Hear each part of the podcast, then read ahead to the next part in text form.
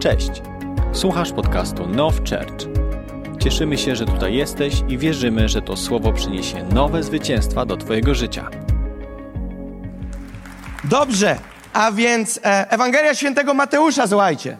Ewangelia Świętego Mateusza, szósty rozdział, werset od 25 do 34.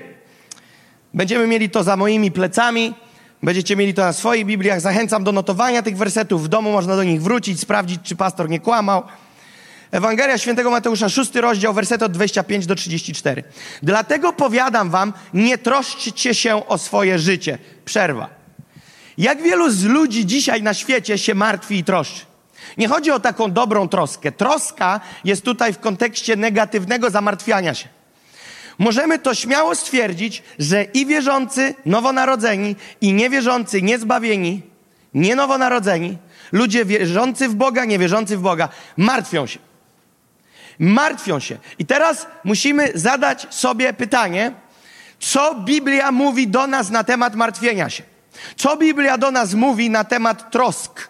Co Biblia do nas mówi w momentach, kiedy przychodzi sytuacja, bo to splot wydarzeń sprawia, że my znajdujemy się w miejscu, w którym się troszczymy, zamartwiamy. Co mówi słowo? To są słowa Jezusa Chrystusa. Dlatego powiadam wam, nie troszcie się o życie swoje, co będziecie jedli, albo co będziecie pili, ani o ciało swoje, czym się przyodziewać będziecie. Czyż życie nie jest czymś więcej niż pokarm, a ciało niż odzienie?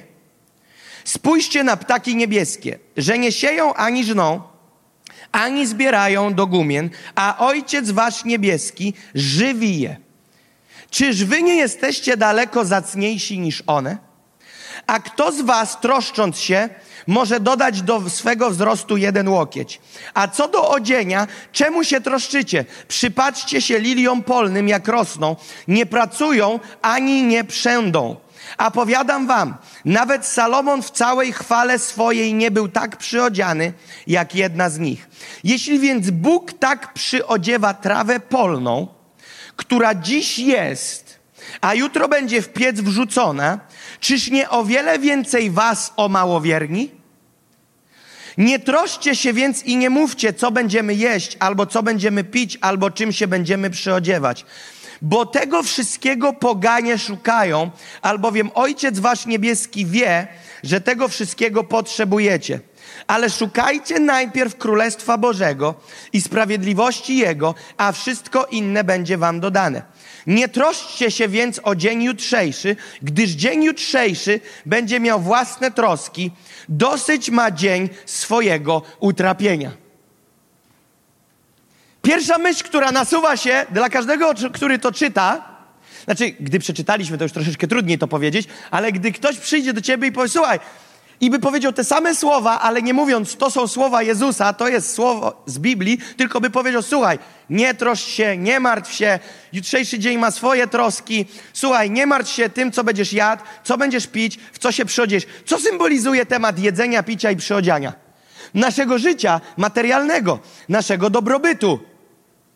To wszystko odnosi się do stanu naszego majątku, do naszego portfela, do tego, co jest na koncie. I Jezus prezentuje dla ludzi system, który jest wow. On mówi tak. On wychyla się poza pojedynczą sytuację i on mówi: Podam wam model funkcjonowania niezależny od okoliczności. To jest bardzo kluczowe. On nie odnosi się do kogoś, kto ma prywatną sytuację, wyrwane to jest z kontekstu i teraz na podstawie jednej osoby rozmawiamy o modelu dla wszystkich. Jezus wyznacza standard życia z Nim, w którym mówi coś, co dla wielu z nas, nawet jak to znamy, może być odkryciem dzisiaj i wierzę, że przyniesie pokój do Twojego życia. Posłuchaj tego. My mamy w zwyczaju, tak działamy, reakcyjnie, po prostu splot następstw, że wystarczy, że się źle dzieje i my się martwimy. A więc okoliczności wpływają na to, czy się martwimy. Życie w oparciu o okoliczności wykończy cię. Umrzesz w depresji. Nie życzę tego, nie ogłaszam tego, ale tak się skończy. Ponieważ okoliczności w dzisiejszym świecie, czy wczorajszym, czy w jutrzejszym, one są w większości niesprzyjające. Życie na tym świecie nie może opierać się o większość okoliczności pozytywnych, o pozytywne momenty, pozytywne sezony. Wiesz co, w 70-80% naukowcy wyliczyli, że życie jest piękne. Jest tylko 20% ciężkiego czasu. Nie! Ludzie mają non-stop dramat. Okoliczności, które są, są non-stop niesprzyjające. I co się dzieje? Dzieje się, że Jezus mówi: Hej, ja wyznaczam inny standard, nie z tej ziemi. Mój standard jest taki. Dla Was. Przeznaczenie Boże dla człowieka w nim jest takie. Nie martw się, nie troszcz się. Dlaczego? Teraz uwaga, dlaczego? Bo to taka, wiecie, gadka y, miła chrześcijańska. Tak, tak, nie troszcie się. Pomacham pierścieniem, a wy aleluja i pójdziemy do domu i każdy się martwi. Wiecie, to nie tak. Dlaczego Jezus mówi, żeby się nie martwić? On podaje jakiś namacalny argument, dlaczego my nie musimy się martwić. I on odnosi się do ptaków niebieskich, on odnosi się do trawy i mówi tak: ptaki zatroszczone się, mamy w niebie mamy dostawę dla ptaków zamówione, wszystko jest o czasie, ptaki są przyodziane. Nie sieją aż no. Zbierają tam, gdzie nie siały. Trawa, mimo że jutro będzie wycięta, jutro zniknie, dziś jest pięknie przyodziana. Hej, jeżeli my dbamy o ptaki, Jezus mówi, jeżeli ja z moim ojcem dbam o ptaki, jeżeli ja z moim ojcem dbam o trawę, to czyż wy nie jesteście bardziej zacniejsi? Czy wy nie jesteście bardziej wartościowi? Ja nie oddałem życia, Jezus mówi, za trawę, za ptaki nie umierałem na krzyżu. A mimo, że za nich życia nie oddałem, przyodziewam ptaki, przyodziewam trawę polną. Trawa nie ma duszy. A my jesteśmy Jego dziećmi. Wiecie, że my w Jego sercu jesteśmy ważniejsi niż aniołowie? Bo aniołowie nie są nazwane Bożymi dziećmi. My jesteśmy nazwane Bożymi dziećmi. My jesteśmy nazwani Bożymi dziećmi. I posłuchajcie teraz tego. On mówi tak: jeżeli ja przyodziewam ptaki, jeżeli ja dbam o trawę, to musisz zrozumieć, on mówi do człowieka, do ciebie i do mnie, on mówi do swojego kościoła, że ja tak jak ptak, który mnie nie prosi, żeby był przyodziany, trawa, która nie umie mówić, jest przyodziana, to o ileż bardziej ja miałbym nie zająć się wami? Nie troszczcie się, nie martwcie się, bo ja was zaopatrzę. Ale jak każda obietnica w Bożym Słowie, tak i ta jest warunkowa. Ona jest uwarunkowana. Bo ludzie łapią takie obietnice i mówią, ale, um, ale to sprawdźmy, jaki jest warunek, bo każda obietnica, którą czytasz, jest uwarunkowana. Każda jedna w słowie. Nie, nie za wszystkie trzeba coś zrobić, niektóre trzeba przyjąć, ale jest uwarunkowana Twoim ruchem, twoją, Twoim działaniem posłuszeństwem, poddaniem lub zapłaceniem jakiejś ceny. I nie mowa tu jest o cenie finansowej. I teraz zobaczcie, co jest napisane. Jeszcze jedna bardzo ważna rzecz, 32 werset, jeżeli byśmy mogli to zobaczyć. Bo tego wszystkiego, czyli czego wszystkiego? Co my będziemy jeść, co będziemy pić, Wy chyba rozumiecie, ja wierzę, że tak, ale upewniam się, że tu nie chodzi o to, że ktoś myśli, ludzie, czy dziś z wędliną, czy z pomidorem, czy herbata taka, czy taka. Na przykład my z, to, z Tymkiem mamy takie kłopoty, bo my jesteśmy fanami kanapek i kanapka musi się zgadzać. Natomiast tu Jezus nie mówi, wiesz, czy Nesti, czy kola, czy herbata, czy, czy, czy, czy rumianek, nie wiemy. Nie, nie, nie. On, on, on mówi tu, hej, nie musisz się martwić, czy będziesz miał co do gara włożyć, czy będziesz miał się w co przyodziać. Innymi słowy, ja się zajmę tym, abyście nie umarli. I teraz zobaczcie 32 werset. Bo tego wszystkiego kto szuka? Poganie. Kim są, najprostsza definicja, poganie? Kto może mi powiedzieć? Taka niebiblijna, taka po prostu praktyczna. Osoby nieżyjące, w, niepojednane z Bogiem. Nie osoby, nie ateiści. Poganie odnoszą się do osób, które nie są nowonarodzone. Nie odnosi się to do ateistów, bo jest wielu ludzi, którzy wierzą, że Bóg jest, nawet się tam do Niego próbują modlić, ale nie są pojednani z Bogiem i nie mają pokoju z Bogiem, bo nie są nowonarodzeni. Ich duch nie został odrodzony. A więc jeżeli ty chcesz mieć pokój z Bogiem, musisz się na nowo narodzić. I teraz poganie to są ci, którzy nie są nowonarodzeni i ich praktycznie cały pakiet obietnic nie dotyczy. Bo wiele z tych obietnic jest w Królestwie Bożym, zawartych w przymierzu. I teraz zobaczcie, co się dzieje. Poganie tego szukają, świat szuka tego wszystkiego, my mamy być inni. Jeżeli poganie w tym aspekcie są wyszczególnieni, że oni tak robią, my mamy tak nie robić, to pomiędzy nimi a nami w aspekcie tego musi być jakaś różnica. I jak do tego wejść, to jest werset 33. Szukajcie najpierw Królestwa Bożego i sprawiedliwości Jego, a wszystko inne będzie Wam dodane. Chciałbym coś wytłumaczyć.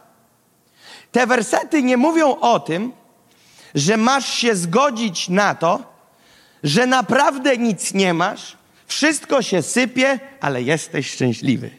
To nie jest zaproszenie do tego, aczkolwiek chcę pokazać spektrum. Twój spokój ducha może być zachowany nawet jak wszystko stracisz. I to jest standard Boży.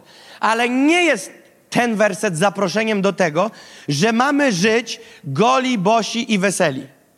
To nie jest to. to, to nie jest to. Natomiast Paweł, apostoł Paweł, pisał o swoim życiu z Bogiem i w bogactwie, i w biedzie, i na szczycie, i w dolinie, i na wozie, i pod wozem, w głodzie, w sytości, na statku, w zimnym morzu. On to wszystko przeszedł i mówi, ale mój stan był niezmienny. Więc życie z Bogiem, życie na tej ziemi, dlatego że żyjemy na tej ziemi, będzie miał mnóstwo sytuacji, w których będziemy mieli trudne sezony, nawet żyjąc z Bogiem, i to jest normalne. Ja nie głoszę tu Ewangelii, przyjdź do Pana Jezusa, a wszystko w Twoim życiu się od A do Z materialnie, organizacyjnie, problematycznie zmieni z dnia na dzień i będzie cacy, bo bym bajki opowiadał. Tak nie ma. Mało tego, Jezus powiedział: Biada wam, jak was nie będą prześladować. A więc nie masz nigdzie obietnicy w słowie, a ja nie głoszę Ewangelii sukcesu, którą ciągle mi zarzucają od trzech lat.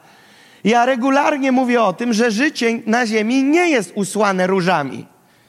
Ale w tym wszystkim możesz przejść w ochronionym sercu i w spokoju duszy, bo On jest z Tobą. Ale ja teraz nie mówię o spokoju Twojego serca, kiedy jest sztorm. Ja rozmawiam o tym, że On chce Cię zaopatrzeć. My rozmawiamy teraz o tym, że w praktycznym wymiarze On chce działać w Twoim miejscu, kiedy nie wiesz, co włożyć do gara, kiedy nie wiesz, w co się ubrać i kiedy nie wiesz, co wypić. Innymi słowy, kiedy Ci się wszystko sypie. Teraz jedna rzecz, którą muszę dodać po drodze, bo widzę, że możemy zbudować taki trochę nieregularny case, jeżeli tego nie wyjaśnię, to jest to, że praktycznie przed wielką obfitością zawsze przychodzi sezon pustyni. Ja w moim życiu chcę, żebyście wiedzieli, miałem sezon bez pieniędzy. Sezon bez pieniędzy to nie oznacza sezon, a i nie starczyło mi na hotel czterogwiazdkowy, musiałem sobie odbyć wakacje w trzygwiazdkowym. Ja mówię o tym, że ja nie miałem na jedzenie. O takim sezonie mówię. I to po nawróceniu wchodząc w służbę. A więc każdy z nas przechodzi jakieś próby.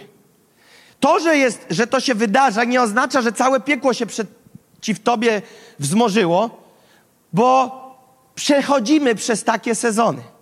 Ale Bóg nam pokazuje, Jezus nam pokazuje, że On chce on chce, czy możemy włączyć te wersety jeszcze raz? Ostatni werset, przedostatni, co jest napisane?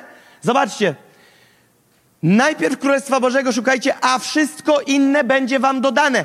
A więc co to jest te wszystko inne? To są te potrzeby zawarte w jedzeniu, piciu, odzieniu.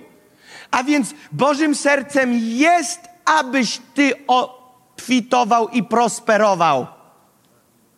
Ale On chce, aby została zachowana pewna równowaga. I teraz, co jest, co jest słynne w tych powiedzeniach takich chrześcijańskich? Ufaj, prawda? Ufaj. Ale zobaczcie te same wersety napisane w Łukasza 12, 22 do 34. Zobaczcie, co będzie napisane. To, samo, to sama historia, tylko opisana przez Łukasza. I kilka słów jest inaczej dobranych, i zobaczymy pełniejszy obraz tego, co Jezus nam mówi. Posłuchajmy tego. I rzekł do uczniów swoich: Dlatego powiadam wam, nie troszczcie się o życie swoje, co będziecie jedli, ani o ciało swoje, czym się przyodziewać będziecie. Życie bowiem jest czymś więcej niż pokarm, a ciało niż odzienie. Spójrzcie na kruki, które nie sieją, a żną. Nie mają spichlerza ani składnicy, a jednak Bóg żywi je. O ileż więcej wy jesteście warci niż ptaki. Któż z was może troskliwą zapobiegliwością dodać do swojego wzrostu jeden łokieć? Co oznacza ten werset? Jezus, Jezus tu się naśmiewa i mówi, co, co z tego, że ty będziesz się martwił? Czy to coś zmieni? On mówi, czy to, że się ty zamartwiasz, czy dodasz trochę coś do tego? Czy, czy twoje zamartwianie kiedykolwiek wpłynęło na polepszenie się twojej sytuacji? Nigdy. Może w twoim życiu, zapraszam, powiedz świadectwo. Ale według moich obliczeń nie uda się. A więc Jezus mówi, po co wy się martwicie? Martwienie się tylko pogorszy waszą sytuację. Martwienie się nigdy jeszcze nie przesunęło w stronę pozytywu. Więc mówi, po co wy to robicie? Jezus jest bardzo taki, wiecie, logiczny też. Po co ty się martwisz? Przecież będzie tylko gorzej. Więc, więc zobaczcie, czemu E, tak, 30 werset. Jeśli więc najmniejszej rzeczy nie potraficie, a jaka jest najmniejsza? Werset wyżej. Dodać jeden łokieć do wzrostu. Łapiecie to? Nadążamy? Jezus mówi, po co macie w 29 tego, gdzie my się zgubiliśmy? Wyżej troszeczkę. Czy coś pogubiłem? Patrzcie, werset 24. Spójrzcie na kruki, że nie sieją, ani żną, nie mają spichlerza, ani składnicy, a jednak Bóg żywie, o ileż bardziej wy jesteście warci niż ptaki. Któż z was może troskliwo, zapobligliwością dodać do swojego wzrostu jeden łokieć?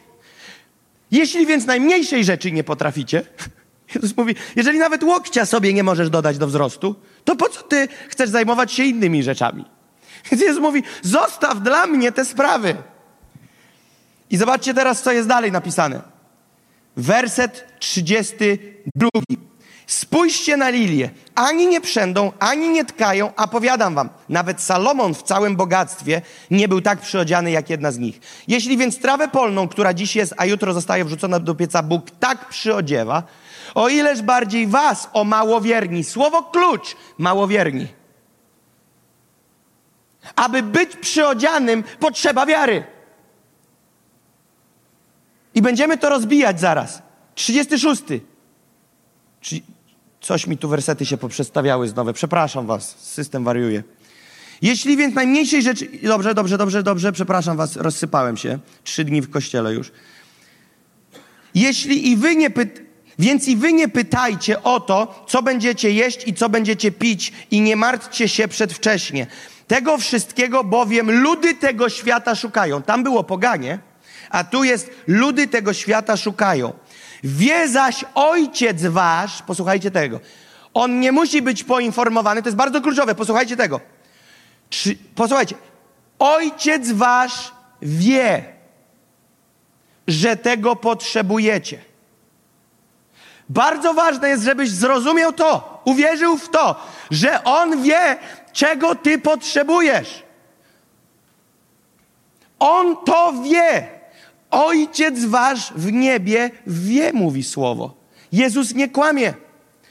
Bóg Ojciec wie, czego potrzebujesz. I teraz, zobaczcie, warunkowo wchodzi. Lecz szukajcie królestwa Jego, a tamto, czyli co? To wszystko, czego potrzebujecie tu na ziemi materialnego, będzie wam dodane. Nie bój się, malutka trzutko. On wie, że my się poczuwamy jako taka krucha trzcina. Ja tak stoję przed Bogiem, on mówi, trzutko, maleńka, nie bój się. Nie bój się. Dlaczego mam się nie bać? Biblia jest praktyczna. Bo upodobało się Ojcu Waszemu dać Wam pasiekę. Królestwo. Nie pasieczkę, nie chlewiczek, nie miskę ryżu. Królestwo. Upodobało mu się dać wam królestwo. Czy królestwo pachnie bidą? Jeszcze raz zaznaczam, to, że masz sezon pustyni, nie oznacza, że nie jesteś człowiekiem królestwa. Jeszcze raz chcę, żeby to wybrzmiało. Nie mówię, nigdy nie mówiłem i planuję nie mówić, że Twój stan chodzenia z Bogiem jest odzwierciedlony wartością Twojego portfela, bo to są herezje. A więc musimy to zrozumieć, że my w herezję się nie bawimy. I teraz nie bój się, maleńka trzutko, bo ojcu waszemu upodobało się dać wam królestwo. I patrzcie teraz. Tutaj Łukasz idzie dalej. Sprzedajcie majątności swoje, no to to już przeczy jedno drugiemu teoretycznie. Sprzedajcie majątności swoje, a dawajcie jałmużnę. Uczyńcie sobie sakwy, które nie niszczeją, skarb niewyczerpany w niebie, gdzie złodziej nie ma przystępu, ani mól nie niszczy.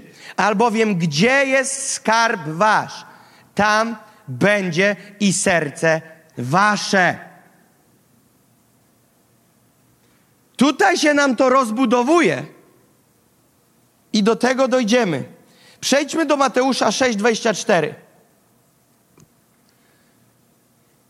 Nikt nie może dwóm panom służyć, gdyż albo jednego nienawidzić będzie, albo drugiego miłować, albo jednego trzymać będzie, a drugim pogardzi. Dlatego nie możesz mieć dwóch pastorów. To, to też tutaj się tyczy, bo zwariujesz, w głowie ci się zakręci. Więc dlatego mówię, musisz wiedzieć, gdzie jest twój dom. Od trzech lat to mówimy. Musisz wiedzieć, kto jest twoim pastorem. Kto jest twoim domem, bo jak będziesz słuchać dwóch po pięćdziesiąt, to się rozjedziesz, będziesz miał szpaga i będą cię boleć pachwiny. Duchowe pachwiny będziesz miał porwane. I z tych pachwin idzie do mózgu, wiesz, i wtedy myślisz sobie, Boże, gdzie jest moje miejsce, gdzie ja mam mieszkać, kto jest moim pastorem, gdzie jest mój kościół, czy mam w niedzielę słuchać tego czy tamtego, gdzie mam jechać na konferencję, bo jeden i drugi z moich pastorów powiedzieli, jest w tym samym dniu konferencja, która to moja. Widzisz, będzie bolało. Musisz wiedzieć, gdzie jest twój dom. Więc nikt nie może dwóm panom służyć, ale tu nie o pastorach. Gdyż albo jednego nienawidzić będzie, albo drugiego miłować, albo jednego trzymać się będzie, a drugim pogardzi. I teraz o co chodziło tutaj? Nie możecie Bogu służyć i mamonie. I to jest hit. Bo teraz, kiedy ja wspominam o mamonie i równam to ze słowem pieniądze, to ludzie mówią, a gdzie jest napisane, że mamona to pieniądze? Dlaczego mamonę sobie wymyślili protestanci, że to chodzi o pieniądze? Bo mamona to greckie słowo mamonas. Pierwsze greckie, które brzmi jak polskie. Aleluja. Mamonas. Greckie słowo mamonas. I greckie słowo mamonas odnosi się, uwaga, dwie definicje. Jesteście gotowi? Pierwsza definicja słowa mamonas odnosi się do. Co? Jesteśmy? Z, zmiana życia będzie odnosi się do bogactwa, posłuchajcie tego. Pierwsza definicja słowa mamonas. Odnosi się do bogactwa, w którym dosłownie jesteś odważny i pewny. A więc, bo ja przetłumaczyłem dosłownie, ale teraz troszeczkę zmieniając kształt tego zdania, ale nie zmieniając definicji, brzmi to tak. Mamonas to jest wtedy, Mam, mamona ma miejsce wtedy, kiedy Twoja odwaga i Twoja pewność wynika ze stanu konta. Twoja odwaga i pewność jest w Twoim statucie, statusie, w Twoim portfelu, w Twojej płynności finansowej, w Twoim bogactwie. Wtedy jest mamona. I druga definicja to jest w ogóle kosmos, ok? Ale to nie ja wymyśliłem to słowo, to Jezus, bo to Jezus powiedział to słowo. Druga definicja słowa mamona to jest bogactwo przeciwne Bogu. Wow. Bogactwo przeciwne Bogu. A więc jest bogactwo Boże i jest taki rodzaj bogactwa, który jest przeciwny Bożemu bogactwu. I teraz zobaczcie, zaraz wszystko się wam zepnie, obiecuję. Jak komuś się zepnie, może krzyknąć wow. Bo naprawdę jak ja do tego doleciałem, to w pewnym momencie mówię wow. Więc może być wow albo wow. Wybierzcie sobie. Więc posłuchajcie teraz. Ewangelia Świętego Mateusza 19, 24. Same słowa Jezusa dzisiaj. Same słowa Jezusa z Biblii wyciągamy. Mateusza 19, 24. Mówię wam też, łatwiej jest wielbłądowi przejść przez ucho igielne. Wyobraź sobie, spróbuj to, jak macie wyobraźnię, spróbuj sobie. Igiełkę masz, tak? Walczyłeś kiedyś z nitką, żeby trafić? To jest, mówi, to słuchaj, to do tej igiełki będzie łatwiej wielbłądowi przejść przez tą igiełkę, niż bogatemu wejść do Królestwa Bożego. I w tym momencie wszyscy bogaci są przerażeni i mówią, Boże, to ja, to ja, to ja większy niż wielbłąd. Nie. Ten werset nie odnosi się, że jeżeli jesteś bogaty, nie wejdziesz do Królestwa Bożego. Bóg chce, abyś był bogaty. Abraham był najbogatszym człowiekiem na planecie w danym momencie. Salomon był najbogatszym chłopem w swoim pokoleniu na planecie. To byli Boży ludzie obdarowani Bożym bogactwem. Więc Bóg nie jest przeciwny ogromnemu, małemu mikrobogactwu. On jest za. Gdzie jest problem? Problem jest, jeżeli bogactwo jest mamoną. Czyli w momencie, w którym my pokładamy naszą ufność. I pokażę teraz coś, co wierzę, że jak Duch Święty przyświeci, ja tylko rzucę coś na stół, ale jak Duch Święty zaświeci na to, to będzie hit. Posłuchajmy tego. My mówimy tak, w Bogu jest moje bezpieczeństwo. Panie, daj pieniądze, bo czuję się niepewnie. Oczywiście parafrazuję, rozumiecie? My wierzymy, że Bóg jest naszym zaopatrzycielem, ale ufamy dopiero Mu, kiedy On nas zaopatrzy. A więc my nie kroczymy przez wiarę, my wierzymy dopiero, jak włożymy rękę do Jego boku przedziurawionego włócznią i zobaczymy rany w Jego dłoniach. Jezus powiedział, błogosławieni, którzy nie widzieli, a uwierzyli. I teraz zobacz, co się dzieje. W tych wszystkich wersetach Jezus coś nam nabudował. Coś nam pokazał. Pokazał nam, że troski, że powodów do trosk będzie wiele. Mądry wniosek? Mądry. Skoro mówi nie troszcie się, nie martwcie się, to oznacza, że to będzie. A więc masz w Biblii zapowiedź, przygotowanie, że troski, problemy i te związane z garnkiem, czajnikiem i ubraniem, czyli z finansami, będą. On nie mówi nie będą, on mówi będą. Ale kiedy nadejdą, nie martw się. Dlaczego? Bo kiedy się martwisz, o, już widzę, kiedy się martwisz, wtedy nie możesz wierzyć.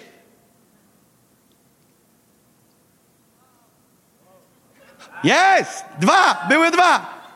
Były dwa, mamy dwie osoby. Halleluja, idziemy dalej, poczekajcie, poczekajcie. Teraz patrzcie, co dalej.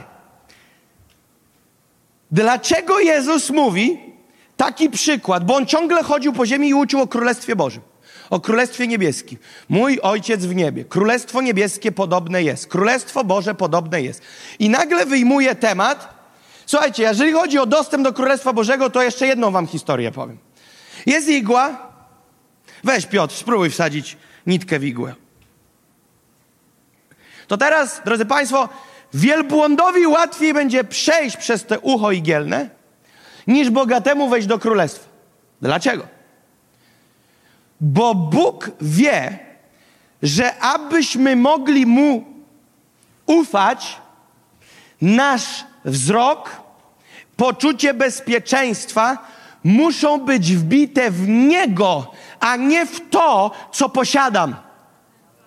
Jeżeli moje bezpieczeństwo jest uzależnione od tego, że czuję się bezpiecznie, kiedy mam pewność na koncie, a czuję się niepewnie, niebezpiecznie, kiedy nie mam tych pieniędzy lub kiedy zbliża się do kreski, czuję się niepewnie, powiedz mi, to wtedy się Bóg zmniejsza, tak?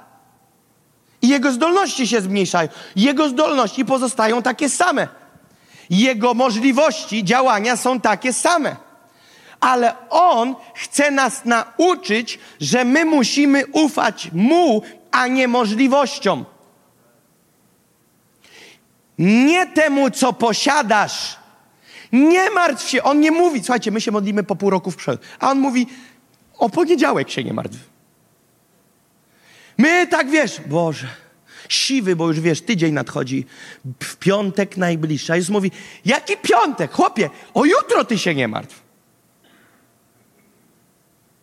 Ojejku, słuchaj, we wtorek, w środę, ty wiesz co my mamy?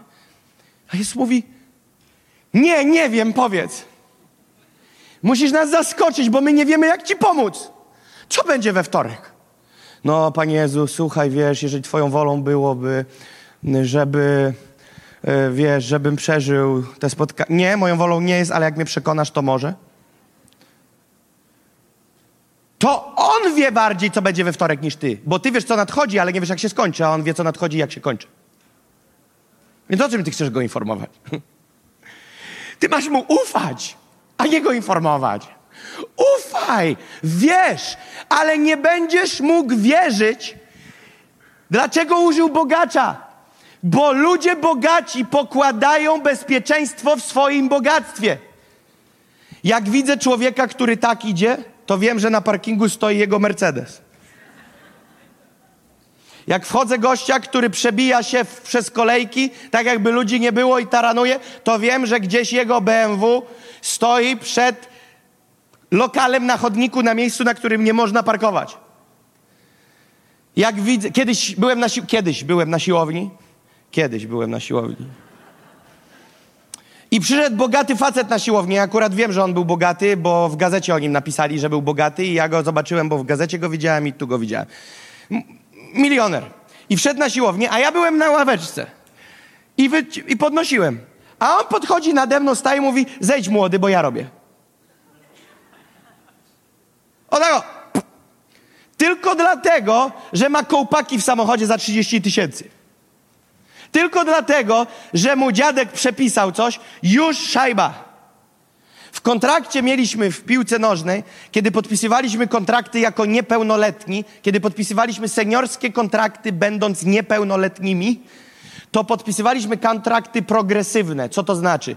To znaczy, że jeżeli z drużyny juniorów trafisz w trakcie trwania kontraktu do drużyny seniorów, to twój kontrakt eksploduje razy ileś. A jeżeli w tym zespole seniorów zostaniesz włączony do pierwszego zespołu, zarejestrowany w kadrze seniorskiej, nie będąc seniorem, to znowu kolejny próg finansowy.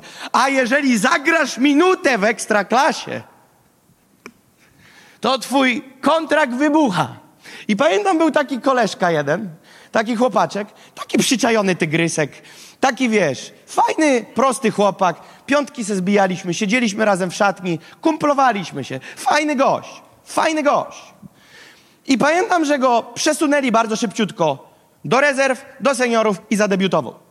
Zadebiutował i pamiętam, jak na przestrzeni kilkunastu dni widzę go. Idzie inny gość. Zwariował. Mówię, załóżmy, że to był, nie wiem, Mati. E, załóżmy, że miał ksywkę Mati. Nie był Mati, ale mówię, siema Mati, on... Stary, a gdzie nasza piona? I do mnie mówi, o której macie trening? A, to teraz jesteśmy my i ty. Psz, psz, psz. I ufasz, bo przyleciał przelew. Czujesz się pewniejszy. Masz poczucie sztucznej radości. O, kochanie, mamy podwyżkę. Tak, powinieneś być z tego szczęśliwy i radosny, ale nie możesz się na tym zawiesić.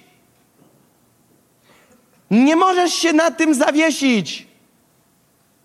Bo wystarczy, że ci to wysunie spod stóp i leżysz potylicą na chodniku i boli. O! I co się modlisz? I teraz pomyśl sobie, na, wokoło czego kręcą się modlitwy. Panie, przywróć mi, daj mi, pobłogosław. A Bóg mówi, a czy życie nie jest coś więcej niż odzienie i pokarm? Kiedy ty znajdziesz swoją radość we mnie, niż tylko wyznajesz, że ja jestem Twój wszechmocny i mogę Tobie wszystko uczynić. Kiedy znajdziesz swój pokój we mnie, Bóg może zrobić o tak i odblokować nad Tobą rzekę finansów. Wiesz dlaczego nie robi? Bo nie jesteś na to gotowy. Jest kilka innych powodów, ale dziś rozmawiamy o tym, że możesz nie być gotowy, bo możesz być też bardzo nieogarnięty w kwestii zarządzania swoim domem i cokolwiek byś nie zarobił, to i tak wyleci. Po prostu jesteś tak zwanym nieogarem. Ale być może dzisiaj rozmawiamy o podstawie tych kwestii i rozmawiamy o tym, że być może Twoje zaufanie nie jest tam, gdzie myślisz, i tylko dlatego, że się modlisz, mówiąc: Boże, ufam Tobie, to wcale nie oznacza, że ufasz Bogu, tylko ufasz Jego ręce. Ufasz w to, że On ci da, dopiero wtedy będziesz czuł się bezpieczny. Musimy to rozgraniczyć. Ufam Ci, Boże, weź już proszę, zrób to, bo jak można dalej żyć? Ufam, że to zrobisz. Muszę w końcu czuć się bezpiecznie. Stop! Ty teraz możesz czuć się bezpiecznie. Jak przeskoczysz to, nie będzie dla Ciebie ograniczeń. Jeżeli to przeskoczysz, o Panie, jak ja bym chciał, bądź grudzień, jak ja bym chciał w sierpniu pojechać nad Bałtyk, gdzieś pobyć na wakacjach. Nie, Bóg ma sadystyczne podejście. Nie gnoju, będziesz siedział w Warszawie. Nigdzie nie pojedziesz. Moim sercem jest cię katować pod smogiem. On chce! On chce, żebyś mógł władować się do Bałtyku, który sam stworzył. On go stworzył, żeby jego dzieci mogły tam leżeć. On chce, żebyś mógł zobaczyć Atlantyk, Adriatyk. On chce. On nie ma nic przeciwko, żebyś zobaczył Dubrownik. Nie mówię o YouTubie.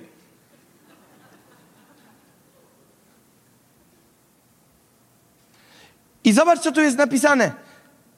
Łatwiej wielbłądowi przejść przez ucho igielne niż bogatemu wejść do Królestwa Bożego. Nikt nie odziedziczy tych obietnic, bo obietnice dziedziczone są przez wiarę. Abraham zaufał Bogu i. Abraham uwierzył Bogu i. Dlatego, kiedy pokładasz swoje zaufanie w czymś innym, w kimś innym niż w Bogu. Miałem spotkanie z jednym człowiekiem przed tym, jak powstała Warszawa. Ekstremalnie bogatym facetem. Obrzydliwie bogaty. I pamiętam, co on do mnie powiedział.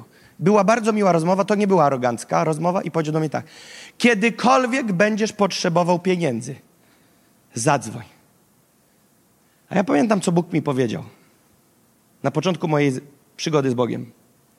Powiedział mi, że jeżeli ja zacznę ufać komukolwiek innemu bardziej niż jemu, jest po mnie. I ja powiedziałem do niego tak: Ja szanuję to. Ja powiem tak: jeżeli ty chcesz nas wesprzeć, to ja cię do tego zachęcam, ale ja mam taki deal z niebem, że ja nie mogę do ciebie zadzwonić. Ja chcę ci zakomunikować, że ja mam potrzeby, ale ja nie mogę do ciebie zadzwonić. I nie zadzwoniłem. A potrzeb było. I pamiętam, jak ta opcja jest, że masz ten numer i możesz to wykręcić. Ja mówię o swoim przypadku. Ja nie mówię, że w waszym przypadku ma tak być samo. Ja mówię o moim teraz przypadku. I pamiętam, że jest bardzo prosta sprawa. Masz prywatny numer, nie do sekretarki, nie do biura, nie do recepcji. Prywatny numer. Jest jeden call, leci siano.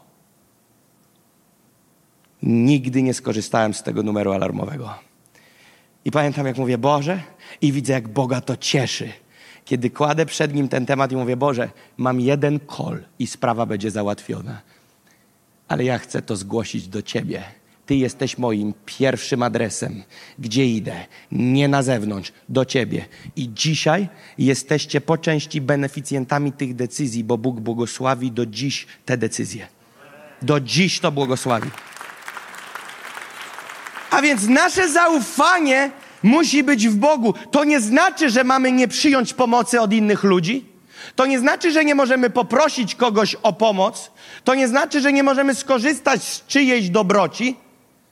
Ale co innego jest, kiedy ty coś kogoś prosisz, a co innego jak uważasz, że ktoś ten uratuje ci życie. To jest różnica, bo rozmawiamy ciągle o aspekcie zaufania. A więc finanse. Dlaczego finanse? Wiecie, że Biblia o wierze i modlitwie, o wierze i modlitwie razem wzięte mówi w, pięć, w tysiącu miejsc w Biblii. Tysiąckrotnie mówi o modlitwie i o wierze. Tysiąc razy o tym Biblia wspomina. A wiecie, ile wspomina o finansach i dobrach materialnych? 2300. Wytłumacz mi to. Wytłumacz mi to. O modlitwie 500, o wierze 500, o finansach i dobrach materialnych 2300. To znaczy, że coś w tym jest. Wiesz dlaczego? Bo wszystko jest powiązane z majątkiem. I Bóg chce nas nauczyć, jak to działa, bo finanse są wszędzie. Pójdziesz do Now Cafe, pieniądz. Wyjdziesz na przystanek, musisz mieć bilet. Pojedziesz do domu, musisz za ten dom zapłacić. Za te mieszkanie musisz jakiś czynsz zapłacić. Chcesz umyć samochód? Musisz zapłacić. Jak nie jeździsz na myjnie, to zapłacisz za wodę. Chyba, że bierzesz sobie z, jeziorka, ze stawu z rzeki, to musisz nabrać do wiaderka, które kupisz. Nie ma ruchu bez finansów. Więc każdy nasz krok przez życie jest powiązany z aspektem finansów. Dlatego Biblia 2-300 razy, 2300 mówi o finansach, bo chce nas nauczyć, jak chodzić przez życie, skoro w każdym kroku jest aspekt finansowy. I co on do nas mówi? Ja tak odbieram, że finanse są powiązane z poczuciem bezpieczeństwa. Finanse kształtują Twoje marzenia. Stan Twoich finansów świadczy o skali Twoich marzeń. I finanse decydują o Twoim planowaniu. I jeżeli finanse są dla Ciebie kluczowe, nie wiedząc o tym, one wpływają na to, jaką masz wiarę, która finalnie przekłada się na to, ile jest Bożego działania. Bo bez wiary nie ma działania. I teraz, jak, ja pamiętam, rozmawiam z jednym człowiekiem i mówię, pojedź ze mną na ten wyjazd. Cze historia dokonana, wyjazd siodlu. I to nie był ten Papua Nepal, wcześniej. I pierwsze co, nie, przepraszam, zacznę inaczej. Słuchaj, jest czadowe miejsce, wierzę, że powinieneś tam być. Pierwsza odpowiedź jest taka, ale ja nie mam finansów. Od razu zredukowane wszystko do finansów. Pierwsza rzecz, fajnie, chciałabym, chciałbym tam być, byłoby mega, ale nie mam finansów. Na dzień dobry jest bomba w projekt, bo pierwsze co wyskakuje, co? My jesteśmy tak duchowi o finansach w kościele, nie chcemy gadać, ale codziennie 38 razy odbijamy się od ściany finanse. Więc musimy się nauczyć żyć tym tematem. I teraz ja mówię, hej, ale ja chciałem ci coś powiedzieć. Ja też nie mam, tylko że ja jadę. A to ja, jak to? Mówię, no normalnie, bo ja wierzę. I mówię tak, uwierz ze mną. To jest mój tekst, który ostatnio używam do ludzi, którym rzucam challenge do czegoś. Hej, uwierz. Uwierz! Nie gadaj mi o kasie, bo ja też mam awarię. Uwierz! Zgódź się ze mną w wierze, że się uda. A człowiek od razu co? Redukuje. Przypomina sobie te 68,50 na koncie. 68,50. Nic nie zrobię. 68,50 mam na koncie, jeszcze z karty kredytowej 120 do opłaty. Mam minus 60 zł od razu drrr, redukcja. To nie oznacza, to nie oznacza, że nie, nie patrzę, nie wnikam, wyczyszczę kartę kredytową, ufam Panu. Nie, nie, nie. Bo chodzenie w wierze to nie zaproszenie do chodzenia w głupocie. To jest bardzo ważne. I teraz zobaczcie, co się dzieje. Ewangelia Świętego Mateusza 19:23 mówi tak. Jezus zaś rzekł do uczniów swoich: Zaprawdę powiadam wam, że bogacz z trudnością wejdzie do Królestwa Niebios. A nadto powiadam wam, łatwiej wielbłądowi przejść przez ucho igielne, niż bogatemu wejść do Królestwa Bożego. Ja teraz wsadzam ten werset pomiędzy kontekst, żebyście zobaczyli, jak Jezus w całej wypowiedzi wsadził te słowa o wielbłądzie i bogaczu. A więc zaczniemy jeszcze raz od 23. Zaprawdę powiadam wam, że bogacz z trudnością wejdzie do Królestwa Niebios. Łatwiej wielbłądowi przejść przez ucho igielne, niż bogatemu wejść do Królestwa Bożego. A gdy to usłyszeli uczniowie, na chłopa rozum, rozumiecie? zaniepokoili się bardzo i mówili, któż wtedy może być zbawiony? A Jezus spojrzał na nich i rzekł im, u ludzi to rzecz niemożliwa, ale u Boga wszystko jest możliwe. Wtedy odpowiadając Piotr rzekł mu, patrzcie teraz, Piotr zaczyna łapać. Zrozumiał o co chodzi. Zrozumiał, że to nie jest mowa o nowonarodzeniu. Zrozumiał, że to nie jest aspekt nowonarodzenia. I Piotr złapał pierwszy, bo miał przebłyski, czasami mu się udawało. Złapał to i mówi do niego tak. Mówi do niego tak. Oto my opuściliśmy wszystko i poszliśmy za Tobą. Cóż za to mieć będziemy? A Jezus rzekł im, zaprawdę powiadam Wam, że Wy, którzy poszliście za mną przy odrodzeniu, gdy Syn Człowieczy z, zasiądzie na tronie chwały, zasiądziecie i Wy na dwunastu tronach i będziecie sądzić dwanaście pokoleń izraelskich. I teraz posłuchajcie. I każdy, kto by opuścił domy albo braci, albo siostry, albo ojca, albo matkę, albo dzieci, albo rolę dla imienia mego, stokroć tyle otrzyma i odziedziczy żywot wieczny. A wielu pierwszych będzie ostatnimi, a ostatnich pierwszymi. W innym słowie, w innej Ewangelii jest to samo napisane, już nie otwieramy, że na ziemi w życiu doczesnym otrzymamy po stokroć domów. W słowie to jest napisane, znajdź w domu. On mówi, jeżeli wy oddajecie dla mnie wszystko, gdzie? W swoim sercu najpierw. Jeżeli przestajesz ufać temu wszystkiemu, co widzialne, jeżeli wypuszczasz to, ten werset nie mówi o tym, uczyń swoje dzieci bez rodziców. Uczyń żonę wdową. Męża pozostaw samego. Dom sprzedaj, mieszkaj w lesie. To nie te wersety. To nie te wersety. My, nie, my musimy podstawić do kontekstu, o czym on mówi. On mówi o tym, że my musimy przestać ufać tym rzeczom. Że musimy przestać ufać tym rzeczom, a ufać to znaczy, one są dla nas priorytetem. One muszą przestać być w naszym życiu priorytetem. I teraz może jeden na sto kościołów powie ci taki tekst, że rodzina nie jest ważniejsza niż Bóg. Ale ja się odważę. W sumie cytuję Biblię. Jezus jest najważniejszy, nie zdrówko i rodzina. Najważniejsze to zdrówko. Ja mówię bzdety. Najważniejszy to jest Bóg. Najważniejsze to, żeby zdrowe dzieci były. Ty, pokaż mi to w Biblii. Werset Jezus mówi do Piotra: Piotrze, kiedy będziesz miał dzieci, pamiętaj, najważniejsze zdrowko dzieci. Nie ma tego napisanego.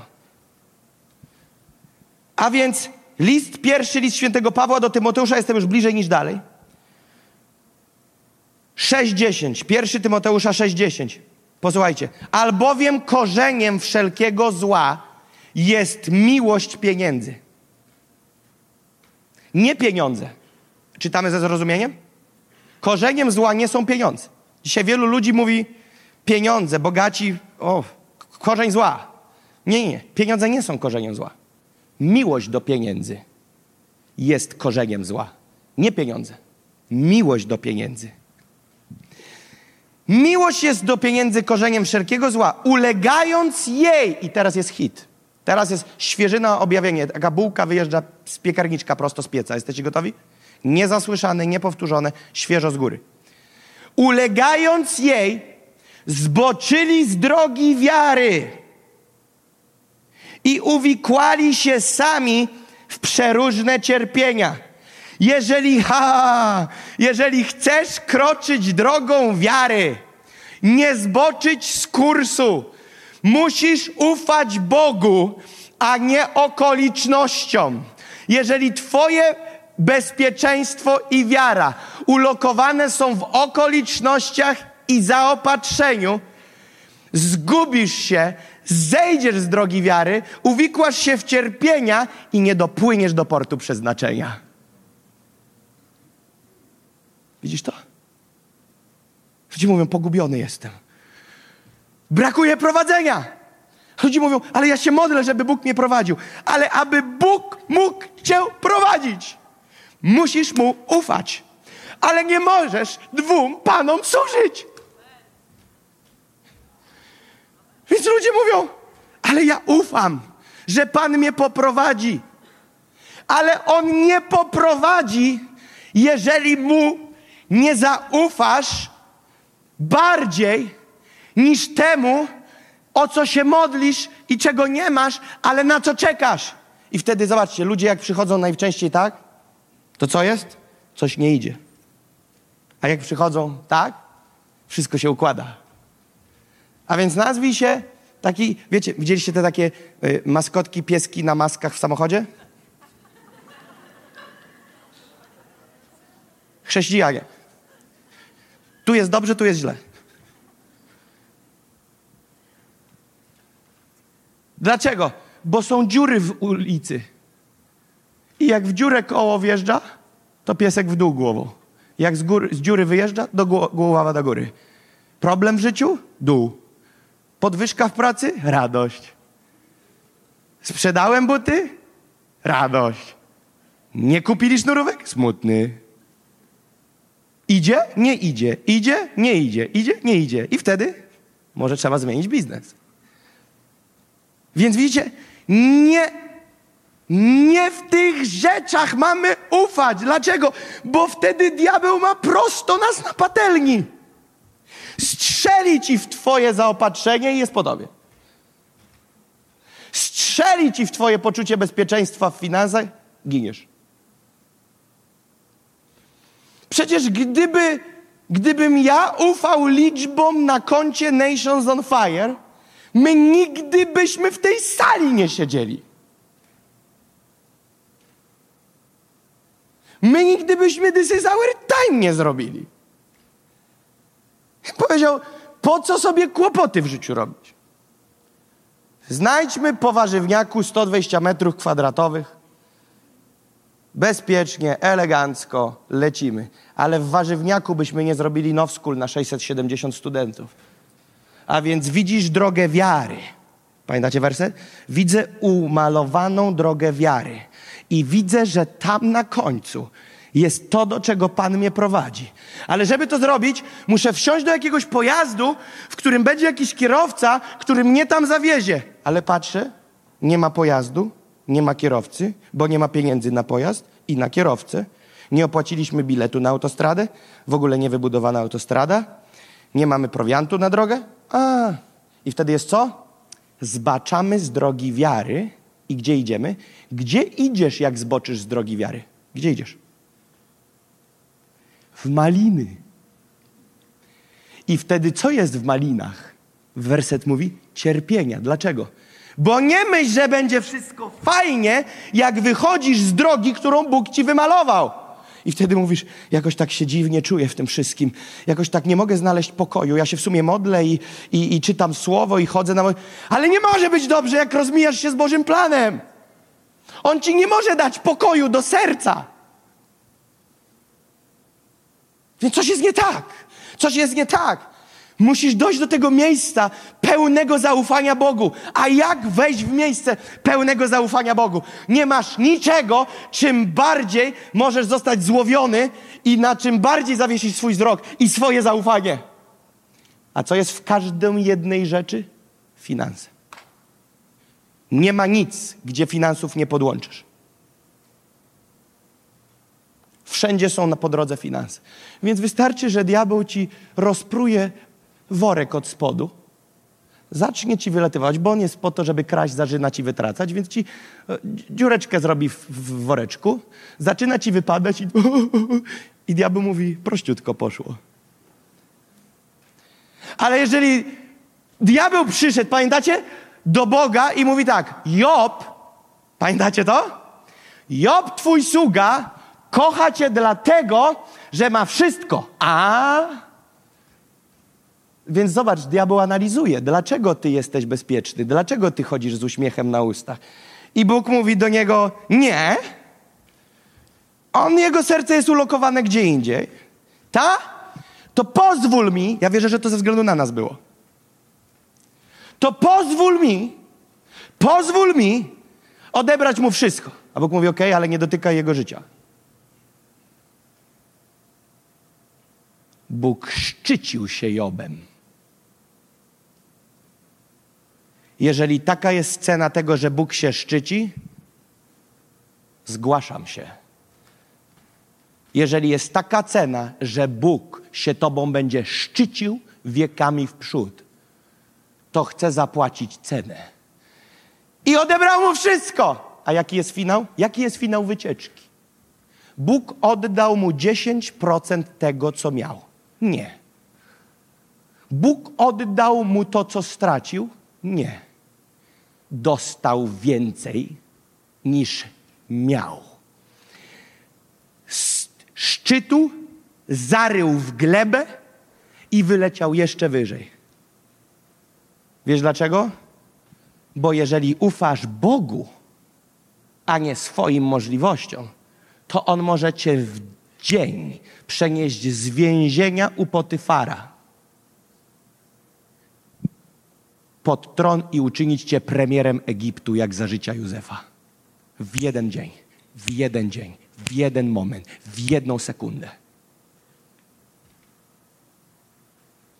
Stan konta nie jest perspektywiczny w ostatnich tygodniach, nie był perspektywiczny, a wiem, co nadchodzi. Ja nie wiem o tej przeprowadzce od wczoraj. I mówię, panie, ale ja ci ufam. Mój brat, który zajmuje się, jak wiecie, całą produkcją, sceną, elektryką, wiecie, te wszystkie te inne historie. Scenę trzeba będzie rozbudować w nowym budynku, zadecydować jaka scena. Nie wiem, czy zauważyliście, jak oglądacie streama, że jak mówca stanie tutaj, to na streamie jest ciemno, prawda online? Czy możecie teraz potwierdzić? Dlaczego?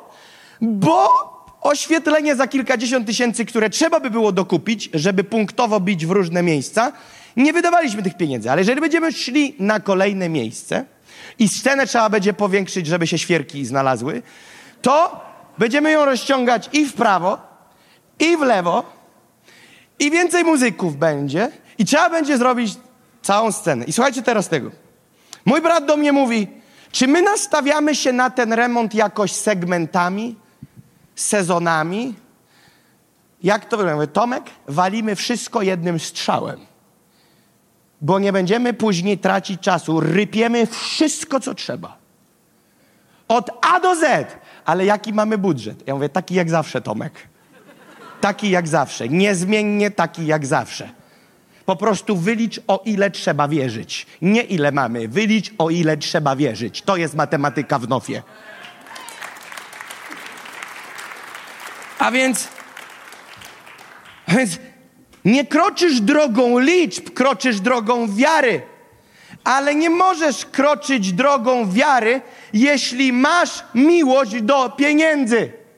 A miłość oznacza przywiązanie.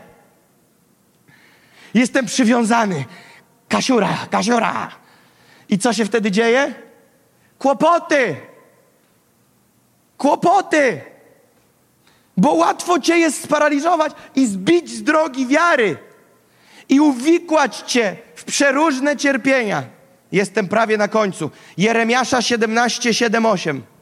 Błogosławiony mąż, który polega na Panu którego ufnością jest mamona. Sprawdzam, czy jesteście. Nie mamona. Pan.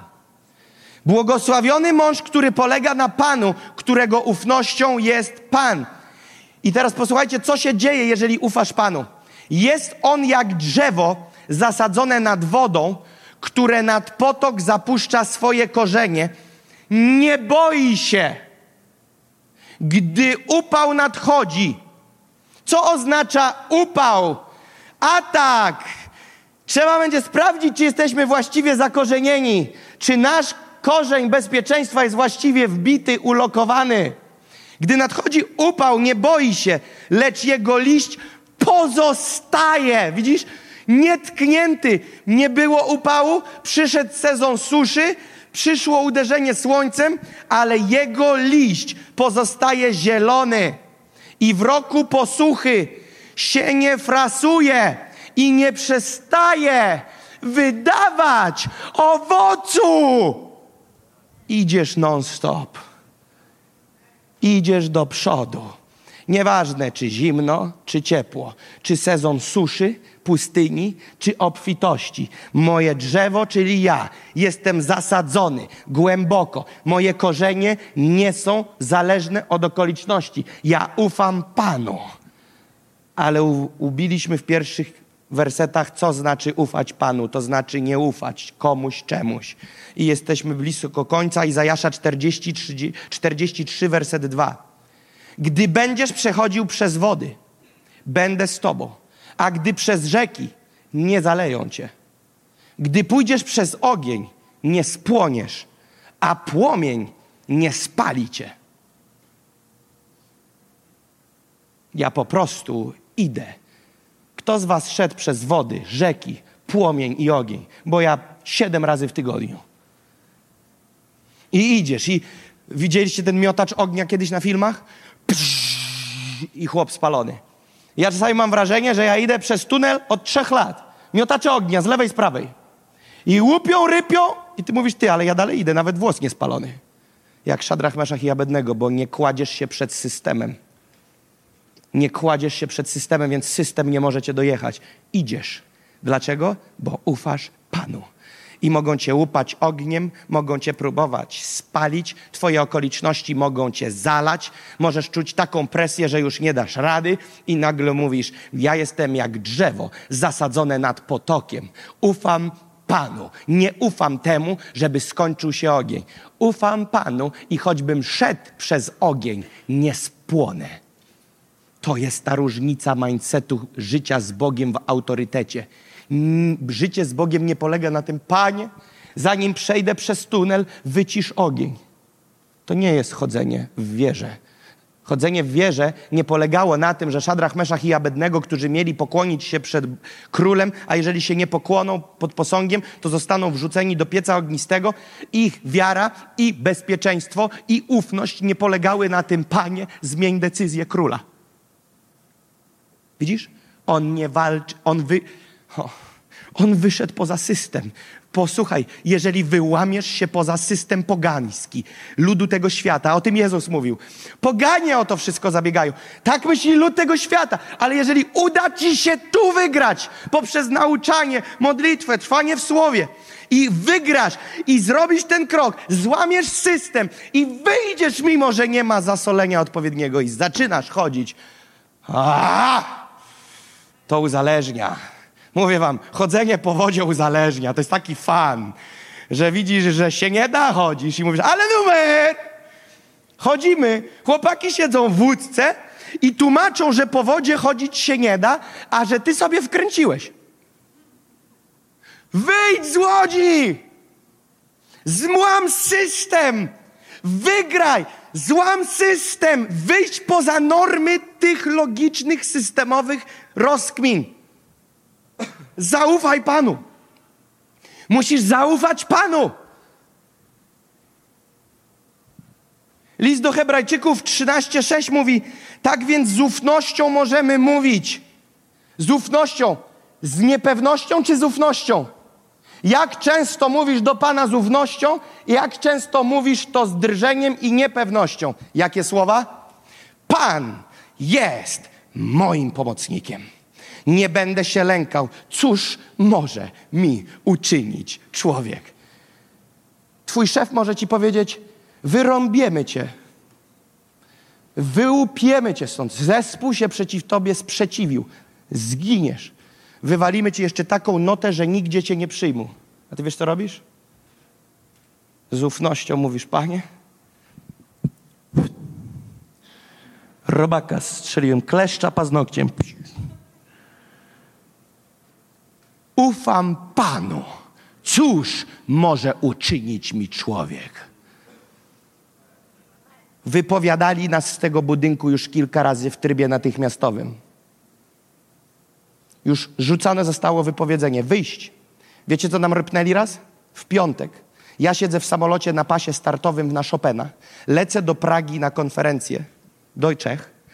Na, samolot się na pasie rozpędza, a ja dostaję wiadomość od tutaj partnerów z dołu. Wiadomość brzmi tak. W trybie natychmiastowym wypowiadamy umowę. Prosimy do poniedziałku oczyścić budynek. Jeżeli do poniedziałku tego nie zrobicie, zatrudnimy firmę, która to oczyści i obciążymy kosztami was. Ja w górę sygnał znika. Aha, jeszcze dopisek, że jest weekend i proszą o niekontaktowanie się i do poniedziałku ma być wszystko wyczyszczone i w poniedziałek jest odbiór budynku. I ty wsiadasz w samolot, odrywasz się, sygnał właśnie zgubiłeś, przed tobą godzina 20 lotu i lecisz na konferencję usługiwać w Duchu Świętym.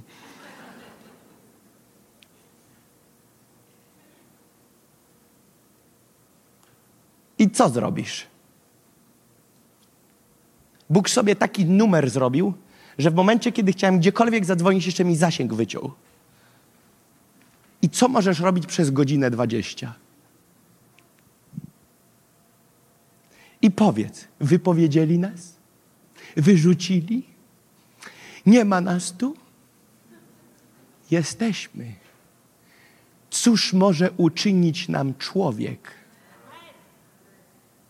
Pan jest naszą pomocą. Wy wiecie, że my mamy umowę regularnie co miesiąc? My planujemy no w skule, eventy, na wprzód, kiedy my umowy nie mamy. My już przestaliśmy polegać w ogóle na dyskusjach z ludźmi. My po prostu idziemy drogą wiary. My kiedy Now School robiliśmy, oni nam powiedzieli, że my nie będziemy mieli tej sali. Trzeba było ruszyć krokiem wiary. Wyczerpały się możliwości, wyczerpały się logiczne argumenty, zrobiliśmy co mogliśmy, bo zawsze walczyliśmy o rozsądne rozwiązanie. Dochodzisz do ściany, człowiek ci mówi koniec, kropka, dziękuję, to jest maks, który możemy zaoferować i co robisz? Zostaje jedna opcja. Kroczyć drogą wiary. List świętego Pawła do Filipian 4:19. A Bóg mój zaspokoi wszelką potrzebę waszą według bogactwa swego w chwale w Chrystusie Jezusie.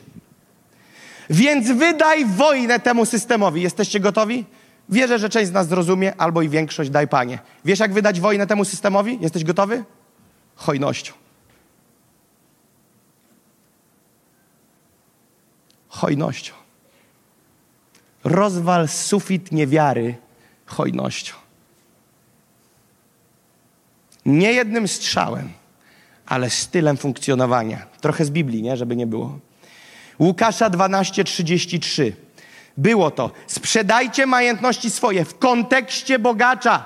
W kontekście tego, który nie może wejść do Królestwa Bożego, bo jest bogaty. Co Jezus kontynuuje w swojej myśli, to było. Sprzedajcie majątności swoje, a dawajcie jałmużnę. Dawaj jałmużnę. Uczyńcie sobie sakwy, które nie niszczeją. Jakie nie niszczeją?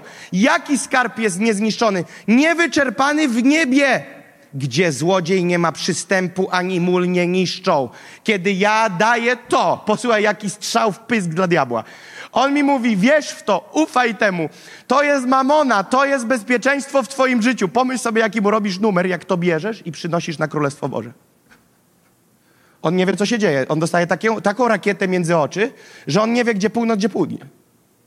On nie wie, którędy z P1 wyjść. On jest zmieciony z powierzchni. Bo mówi tak, cały system wartości tego świata, który on sobie tu wybudował, to jest władza, autorytet, bogactwo. Wszystko kręci się wokoło pieniędzy. I on cały czas pracował nad Twoim życiem. Ufaj temu. To jest Twoje bezpieczeństwo. Nie możesz tego oddać. Nie możesz tego stracić. Musisz mieć więcej. Kiedy będziesz miał tego więcej, wtedy będziesz bezpieczny. Wtedy wszystko się ułoży. I Ty tak całe życie, padadaj, padadaj, padadaj, schodziłeś z drogi wiary, a nagle Ty mówisz tak, gnido panato. Widzisz? Mamona zamienia się w złożenie do skarbnicy, gdzie mól i rdza nie niszczeją. Królestwo Boże. Królestwo Boże. Kiedy daję na Królestwo Boże, niszczę system. Całkowicie miażdżę system tego systemu, który ustanowił diabeł. I druga księga Mojżeszowa 23:15. a niech nie pokazują się przed obliczem moim z próżnymi rękami. Bóg powiedział, że On nie chce, żebyśmy przychodzili przed Jego oblicze z próżnymi rękami. On chce, abyśmy przynosili Mu ofiary. On chce, abyśmy dawali Mu ofiarę, pracę naszych rąk. Przypowieści Salomona 3, 9, 10 mówi: Czcij Pana swoim majątkiem i pierwocinami wszystkich Twoich dochodów, a Twoje spichlerza będą napełnione dostatkiem i Twoje prasy będą przelewać się od nowego wina. Zgubiliśmy coś, wielką tajemnicę w tym słynnym od zawsze wersecie. Pierwsze słowa mówią jak? Czcij Pana swoim majątkiem. Chciałbym zadać pytanie, czy czcisz Pana pieniędzmi? Albo jeszcze inaczej, czy wiedziałeś, że majątek może czcić Boga? Dlatego od zawsze powtarzam, ofiara to uwielbienie. Of, dlatego zawsze powtarzam, nie przystąpmy do tego jak do zbiórki, przystąpmy do tego jak do uwielbienia, bo jest napisane wyraźnie, aby czcić Pana swoim majątkiem. A więc kiedy my idziemy dać ofiarę, nasze finanse, pracę naszych rąk, to my nie dajemy, to nie jest zbiórka. To jest czczenie Pana. To jest Słowo Boże. Widzisz, każdy z nas ma prawo się dziwnie teraz czuć, ale niech nas prasuje. Niech nas prasuje. Wiem, że różnie bywa w takich momentach. Zazwyczaj chce się siku, ale przejdziemy przez to. Czcij Pana swoim majątkiem i uwaga, tak jakby rozgraniczył majątek od pierwocin Twoich dochodów. Tak jakby rozgraniczył. Tak jakby rozgraniczył majątek od pierwocin. Tak jakby to były dwie inne historie. Masz coś, co leży, niech to pracuje na Królestwo Boże. Niech to przynosi. Rozejdziemy się z tym kiedyś głębiej, ale dziś nie ma czasu. Ale pierwszy, najlepszy, nie ostatni, nie najgorszy, pierwsze idzie do Pana. Mental, nie ostatnie, pierwsze. Dlaczego? Jezus o czym mówił? Szukajcie Królestwa Bożego wpierw. Wtedy dopiero wszystko inne będzie wam dodane. A więc Twój majątek, Twoje finanse są zaproszone, aby czcić Pana. Ale zobacz, co tu jest napisane. A Twoje spichrze będą napełnione dostatkiem, i Twoje prasy będą przelewać się od nowego wina. To nie jest obietnica dla biednych, to jest obietnica dla każdego. Oznacza to, że nawet jak się u ciebie już przelewa i już żyjesz w dostatku, to ten dostatek i te przelewanie uwolni nadal. Niech ono nadal w tej skali, którą masz. Widzisz, ludzie mają problem z wiernością finansową Bogu. Co mam na myśli? Kiedy zarabiasz przysłowiowe trzy na rękę, ok? Tak, żeby było prosto, jeszcze po tych wszystkich reformacjach.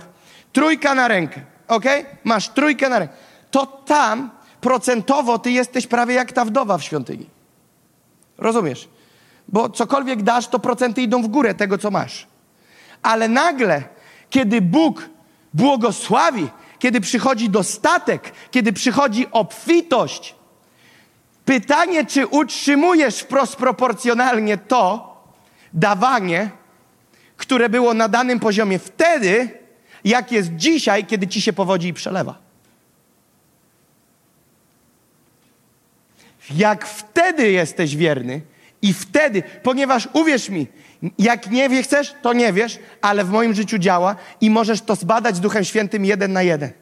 Kiedy ci się zaczyna przelewać, w szczególności kiedy zaczyna się napełniać, jest ogromna pokusa, żebyś spojrzał na to głębiej niż wcześniej i zaczął w to ufać. Zaczął w to wierzyć więcej. Zaczął na tym polegać, bo nagle co się dzieje? Nagle Twoje marzenia się zmieniają, nagle Twoje plany się zmieniają, nagle Twoje oczekiwania i wiara rośnie. Pytanie, czy na stabilnym fundamencie. I wtedy zobacz, mogłoby być, to jest fenomen. I ostatnia myśl, jedna z ostatnich, Michałku, jak może to mi pomóc. Jedna z ostatnich myśli jest taka.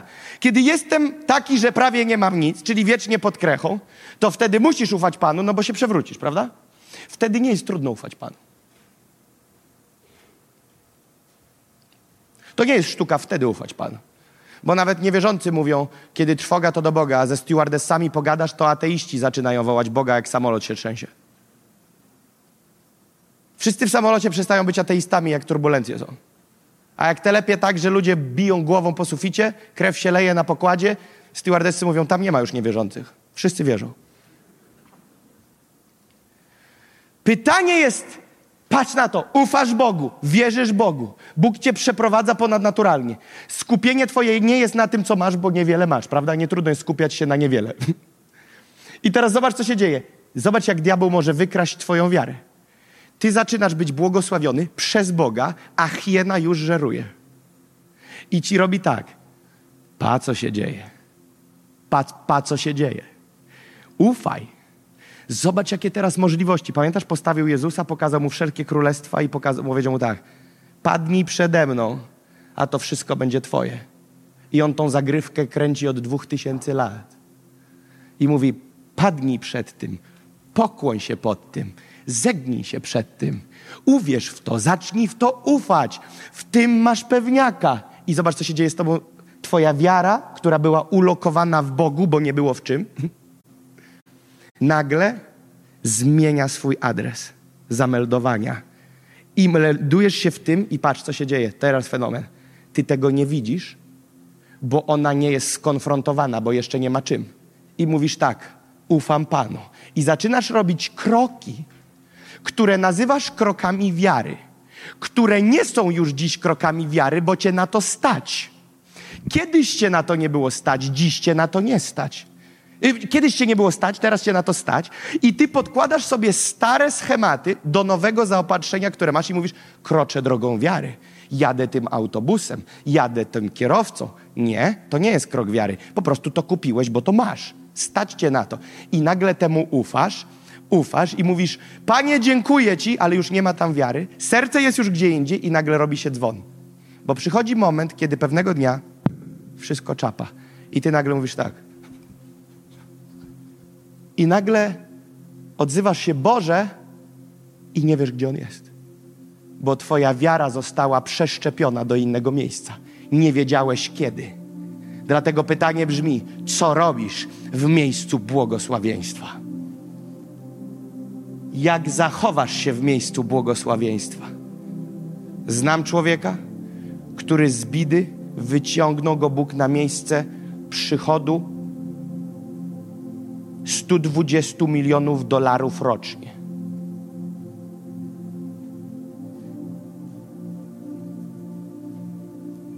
Pół miliarda złotych rocznie. Wiesz co? Na temat dziesięciny w jego życiu? Dziesięcinę tą zatrzymuje, 90 oddaje.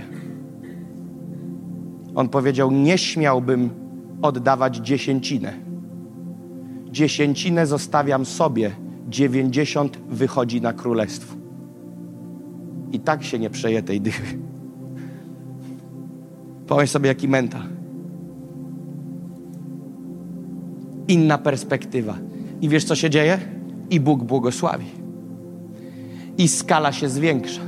Bo jeżeli zostaniesz wierny w tym cyklu błogosławieństwa i będziesz wierny w tych postanowieniach, Bożym interesem, nie Twoim, nawet jak Twoim, to Boga więcej, będzie, aby ten cykl powiększać, powiększać, powiększać, powiększać. I dzieje apostolskie 20-35 mówi: Więcej szczęścia jest w dawaniu, aniżeli w braniu. Więcej szczęścia jest w dawaniu niż w braniu. Jednym z powodów jest to, że utrzymujecie to właściwym kursem. Dlaczego? Dlatego zawsze mówię: hej, skupmy się na ofierze. To nie jest czas, wiecie, zabawy. To nie wyciągasz banknotów i rzucasz do wiadra. Skup się na tym, co dzieje się w Twoim sercu. Hej, przecież to jest robota Twoich rąk. Pomyśl sobie, co Ty robisz. Miej ten czas takiej ala refleksji, duchowej analizy, co się dzieje podczas ofiary. Niech to nie będzie czas, wiecie, o, ogłoszenia i ofiara. Niech to będzie czas przemyślenia. Come on! Ja w tym momencie coś robię w rzeczywistości duchowej. Coś czynię. Moja ręka tylko odzwierciedla to, co dzieje się w moim sercu. A jeżeli robisz rzeczy bez zrozumienia, no może liczby w Excelu się zgodzą, ale serce za tym nie poszło. A chodzi o to, żeby serce się działo, żeby rozumiało to wszystko, co się dzieje. A więc naprawdę chcę Was zachęcić, abyśmy mogli zmienić te podejście do życia, z tego podejścia tego świata, systemowego myślenia do miejsca zaufania Bogu. I nawet jak się sypie, nawet jak się rypie, ufasz Panu. Twoje marzenia, Twoje plany nie są przez... Rozumiem, że jest sezon, ok? Kiedyś jeden człowiek do mnie powiedział, słuchaj, zrobiłem krok wiary, wyłupałem się od A do Z na pewien wyjazd, jest kolejny wyjazd, który byłby fajnym pomysłem, żeby jechać, ale czuję wyraźnie, że Bóg chce, żebym się odbił po tamtym ruchu. I to jest ok. I to jest ok. Ale nie może być tak, że całe Twoje życie jest non-stop oparte o logikę. Bo się wykończysz i nie ma jak Bóg działać w Twoim życiu. A więc jak bijemy to? Mamonę hojnością. Bijemy ducha mamony hojnością. Ktoś mi może przypomnieć definicję mamony? Śmiało. Kto zapisał? Ktoś nosi notatki? Myśleliście, że będzie płytko, nie? A tu definicję z greki. Doważ, jesteś odważny i pewny poprzez stan Twojego konta. Oraz druga definicja, bogactwo przeciwne Bogu.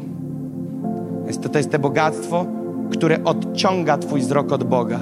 I niby się modlisz, Panie, Cię widzę, Panie, Ci kocham, dziękuję, ale Twoje bezpieczeństwo jest zalokowane w tym, co Ci dał, a nie to, kto dał. A więc bez względu na to, co to jest, siedem prezentów przywiozłem z tego Nowskula do domu. Wiecie, co zrobiliśmy z moją żoną? Ja mówię, Sarita, musimy klęknąć. Musimy klęknąć przed Panem. Pierwsza rzecz. Bo łatwo jest, kiedy rzeczy się dzieją, celebrować zapominając o wdzięczności. Pierwsza rzecz, którą zrobiłem. Mówię, Sarita, klękamy. Późna noc była. Mówię, musimy podziękować Bogu za Nowskul 2023. Panie, dziękuję Ci za to, że dałeś nam ten przywilej, że to stało się pod tym dachem, a nie innym. Zaczęliśmy dziękować Bogu, a później zaczęliśmy wyjmować prezent po prezencie. Kłaść rękę na to i dziękować. Jeżeli było podpisane imię, nazwisko, dzięki Ci, Panie, za tych ludzi. Sara od razu, uszo, koroko. Mówię, dzięki Ci, Panie. I tak naprawdę, wiecie, ze szczerością. I nagle dzieci się budzą. Dawidek wybiega. Przerwaliśmy. Ja myślę sobie, nie, ta modlitwa o tą osobę nie została dokończona. Dawidek poszedł spać. Wróciliśmy do tej osoby i mówię, modlimy się o tą osobę. Panie, dziękujemy Ci za hojność, za taką odwagę, za taki szacunek do Ciebie. Przede wszystkim do Ciebie. Ja tylko gdzieś tam po drodze rykoszetem. Czy to czekoladka, czy kopertka, nieważne. Dzięki Ci, Panie. Widzisz, trzymasz się intencjonalnie, bo jesteśmy tylko ludźmi. Łatwo już w niedzielę przyjść tu tak. No, w skul wyszło. Siedem prezentów dostałem. Na Facebooku napisali mi komentarz, że jestem fajny Jakub. I mogę tak przyjść. I teraz powiedzieć, ha, Panie. I po zawodach. Ale non-stop.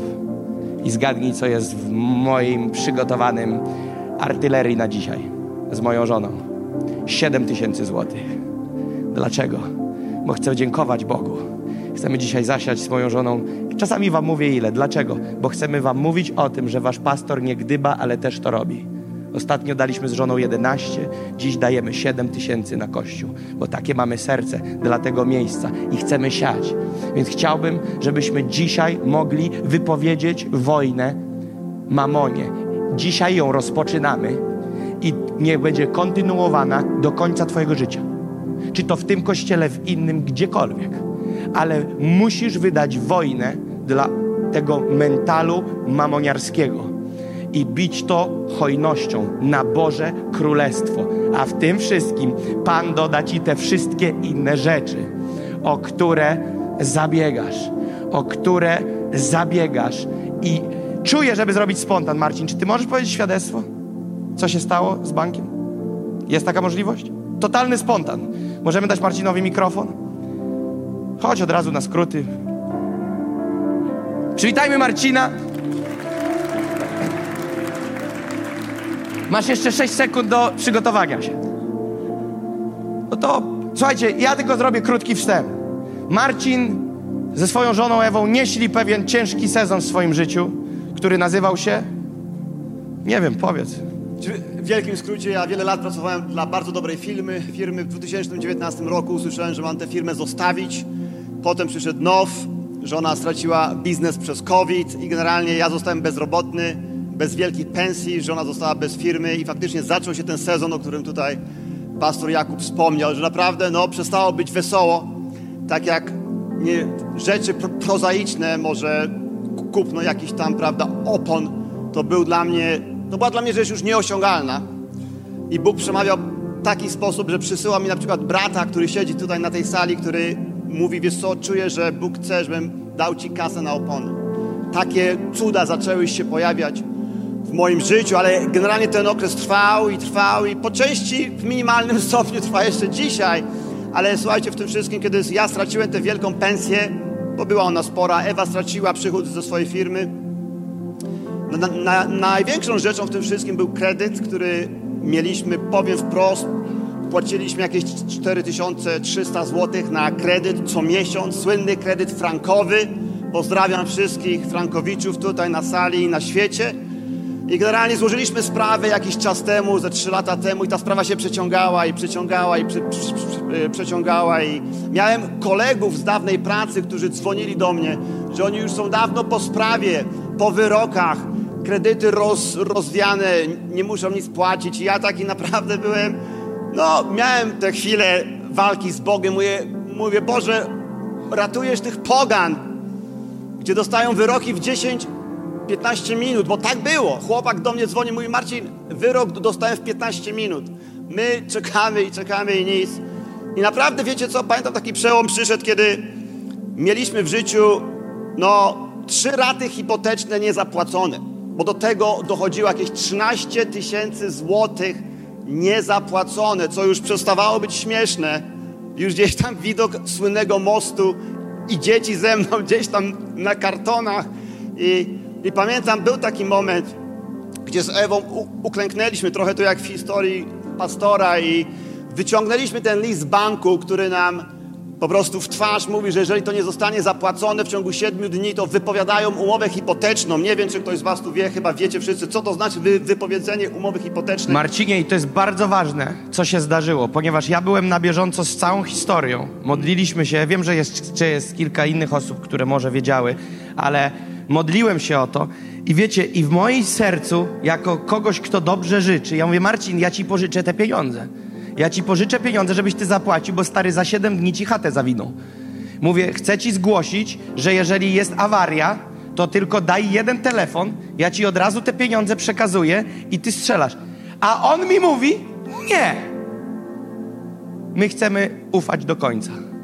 To był dla mnie największy kosmos, stary. Powiedz, co dalej było. No i generalnie jest historia w Biblii, gdzie pe pewien król jest w miejscu naprawdę już nie do wyjścia i otrzymuje fa fatalny list od przeciwnika i on rozciąga ten list przed, przed Bogiem i mówi, zobacz Boże, jak nas lżą.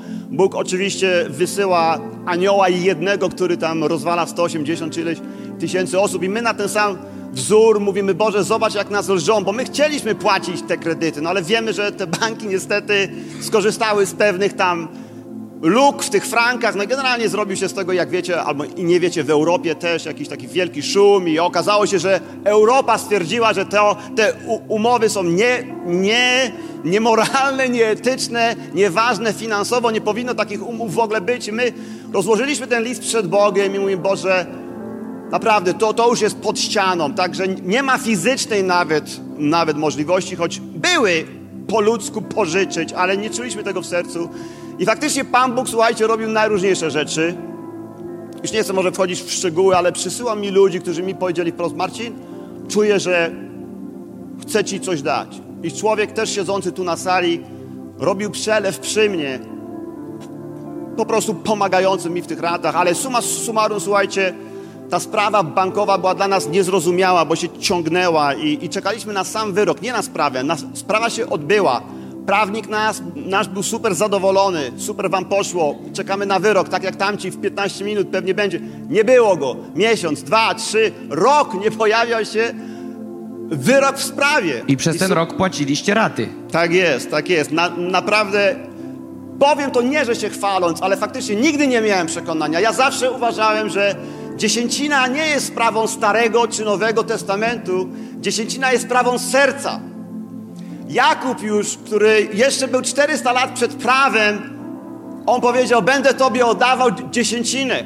A Abraham spotykał się z Melchizedekiem, oddał mu dziesięcinę. Ja nigdy nie miałem problemu z dziesięciną i także w tej sytuacji zawsze to, co do, dostawaliśmy, oddawaliśmy Panu Bogu. St- Staraliśmy się, słuchajcie, Bóg przesyłał na przykład, jest sytuacja, gdzie ja słyszę w głowie, daj tej osobie, niech to będzie 300 złotych. Jadę z Ewą w samochodzie z kościoła do domu i ona mówi, wiesz co, czuję w sercu, żeby po, pobłogosławić tę osobę kwotą 300 złotych. Odbieraliśmy dosłownie to samo. Także jeszcze Bóg w tym wszystkim chciał nas rozciągać, byśmy my błogosławili mimo braków, ale błogosławiliśmy też te braki. Ja pamiętam sy, sy, sytuację, gdzie przyjeżdżałem na ten tutaj w Oszą, prawda, ten dystrybutor z paliwa, z paliwem i miałem na koncie, słuchajcie, 31 zł na paliwo. I błogosławiłem te 31 zł, tak jak ten Jezus, te pięć chlebów i dwie ryby. W takim właśnie duchu, nie przeklinając, że kurczę blady, mam tylko 31 zł, ale dziękuję Ci Panie, że mam te 31 zł, że dojadę do tego domu, a co będzie później, nie wiem. I skracając właśnie tę historię, ciągnęła się ta sprawa, wyroku nie było.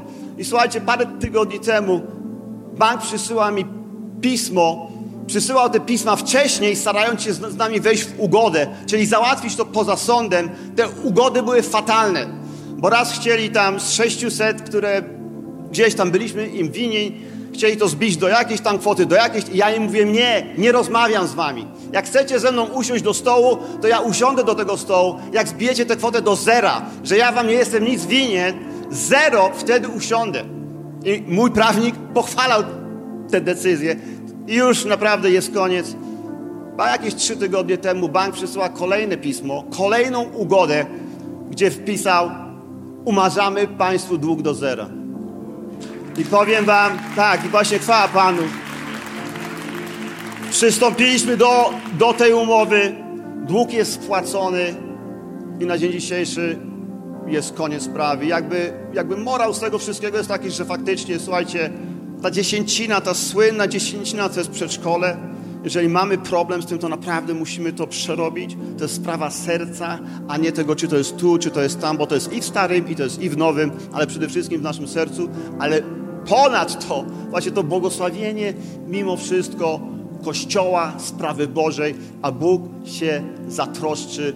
I w tym wszystkim powiem na koniec taką rzecz, że Bóg nawet to wy, wy, wykorzystał w sercu właśnie Ewy i moim, bo powiedział, zobacz, bank daruje ci dług, a pomyśl teraz, co ja zrobiłem dla ciebie na krzyżu.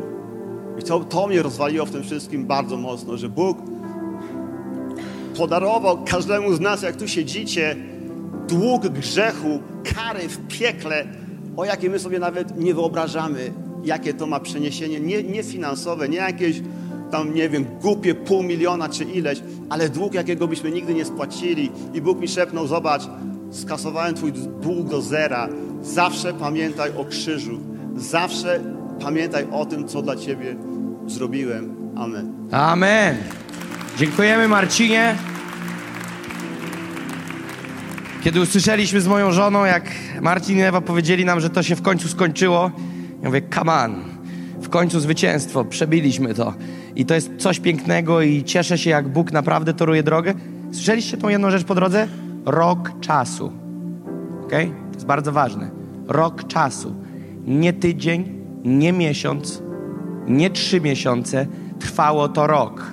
Trwało to rok ten dramat, w którym byli i my to wiedzieliśmy, wspieraliśmy ich w modlitwie. I wiecie, i cierpiałem ja wewnętrznie z tą świadomością, że oni mają taką sytuację. Będę z wami szczery. Wewnętrznie mnie to katowało. Ale mówię, Boże, ja, ja chcę jakoś nawet pomóc w tym. A Bóg, Bóg mówi, ja rozciągam ich zaufanie do mnie. I ja miałem zablokowane ręce, żeby prywatnie im w tym pomóc. Bo Bóg mi mówi, ja ich rozciągam zaufanie. I jak mi powiedzieli, że nie chcą tych pieniędzy, jak im trzepnęli, że w tydzień im wypowiedzą umowę, i powiedział mi Marcin, że nie chcą, ja mówię, okej, okay, panie, wygląda mi jak ostatni etap. Wygląda mi już, że są już na końcu tego testu, bo chata jest do odbioru. Wypowiedzenie w 7 dni będzie następowało, a oni mówią, że oni nie chcą pożyczyć i ufają do końca. I mówi, nie, idziemy. To było niesamowite. I Bóg honoruje to zaufanie i dzisiaj są kim? Bogatymi obywatelami mającymi swój dom na terenie Warszawy, tak? Piękna sprawa. Znaczy z tą Warszawą to przegięliśmy, Wólka Kosowska, tak? Kochani, będziemy siać teraz nasze finanse. Będziemy siać je dzisiaj i będziemy je siać co niedzielę. Będziemy je siać przez kolejne miesiące i lata, ponieważ chcemy siać w Boże Królestwo. A więc Marcin to pięknie powiedział, też w to wierzę. Temat dziesięciny nie wymaga nawet wielkiej dyskusji, ale każdy z nas robi co chcemy, nigdy nikomu na ręce nie patrzymy. Natomiast chcę Ci powiedzieć, temat 10% Twoich przychodów to w biblijnym temacie to jest jakiś basic, a reszta ofiary na kościół, jałmużna, sianie w namaszczenie to są tematy, które będziemy rozwijać w przyszłości. Chciałbym, abyśmy powstali, abyśmy wyciągnęli swoje ziarna, cokolwiek to jest, czy to są Twoje Twoja karta kredytowa, debetowa, gotówka, zegarek. I chciałbym, żebyśmy weszli jako Kościół w nowy poziom, nowy poziom dojrzałości, jeżeli chodzi o, o czas ofiary. Wierzę, że Bóg zabiera nas dzisiaj do nowego poziomu, czym jest sianie finansów. Czym jest oddawanie finansów? Że to jest czczenie Pana swoim majątkiem. Czczenie Pana to jest oddawanie Panu naszych finansów, pracy naszej ro, naszych rąk. To jest dziesięcina, którą przynosimy dla Pana. To są pierwociny, które znosimy dla Niego. To jest hojność, którą oddajemy Mu i tym Go czcimy i tym Go wywyższamy. I chciałbym, abyśmy też widzieli w każdym momencie, w każdym momencie, kiedy oddajesz finanse na Boże Królestwo, Chciałbym Cię prosić, abyś zawsze przez kilka chwil przemyślał tą sprawę, komu ufasz. Komu ufasz? Gdzie jest Twoje zaufanie? Jak ciężkim jest dla Ciebie czas ofiary? Lub jak lekkim? Jeżeli ciężkim, dlaczego? Jeżeli lekkim, dlaczego? Badaj swoje serce. Badaj swoje serce przed Panem. Dlaczego tak jest? I ostatnią rzecz, którą chcę powiedzieć, zanim zbierzemy, jest to, czas dziesięciny, dziesięcina siana jest do Twojego domu. Dziesięcina jest znoszona do domu, z którego czerpiesz pokarm, czyli Twojego kościoła lokalnego. Miło jest, jak ktoś sieje w inne miejsce, ale zachwiana jest równowaga. Dziesięcina spada do domu Twojego, który ma największy wpływ na Twój rozwój duchowy. Tam płynie dziesięcina. Mieliśmy sytuację, w której pastor Dawid i Noemi, kiedy kościoła tutaj jeszcze nie było, kiedy rozmawialiśmy o założeniu kościoła, oni nie byli w żadnym kościele, bo robiliśmy tranzyt między swoimi miastami a Warszawą i nie zbieraliśmy ofiar. Ja od niego, on ode mnie. I siedzieliśmy i pamiętam jak, jak a, pastor Dawid i Noemi przyszli do mnie i do mojej żony Sary i powiedzieli dopóki nie będziemy mieli oficjalnie kościoła i dopóki nie będziemy zbierać ofiar na spotkaniach, nasza dziesięcina będzie oddawana dla was, bo wy jesteście naszymi pastorami. I pamiętam, że mnie to pozytywnie zmiotło, bo, bo te zrozumienie tej dziesięciny było niesamowite, że dziesięcina musi płynąć że dziesięcina musi płynąć, musi płynąć, musi płynąć. I mieliśmy czas, w którym ludzie się do nas odzywali z Polski, mówili: Słuchaj, my nie mamy kościoła. Odzywali się ludzie z innych krajów, Polacy mieszkający, gdzie wiecie, do najbliższego kościoła 300 kilometrów i mówili do nas: Nie mamy kościoła, dopóki go nie będziemy mieć. Wy jesteście naszym kościołem z dystansu, siejemy w now. I pamiętam ten dzień, kiedy ktoś się do mnie odzywa i mówi: Słuchaj, znaleźliśmy kościół, tak głupio nam teraz bo my już przestaniemy oddawać dziesięciny. Ja mówię, jak głupio, to jest piękny moment, chwała Bogu, znaleźliście Kościół, cieszę się, nie martwcie się, Bóg zaopatrzy. Wy bądźcie wierni. Macie swoje miejsce, siejcie do swojego miejsca. Tam jest wasze miejsce Twojego siania jako pierwsze. Twój dom. Dziękujemy, że byłeś z nami.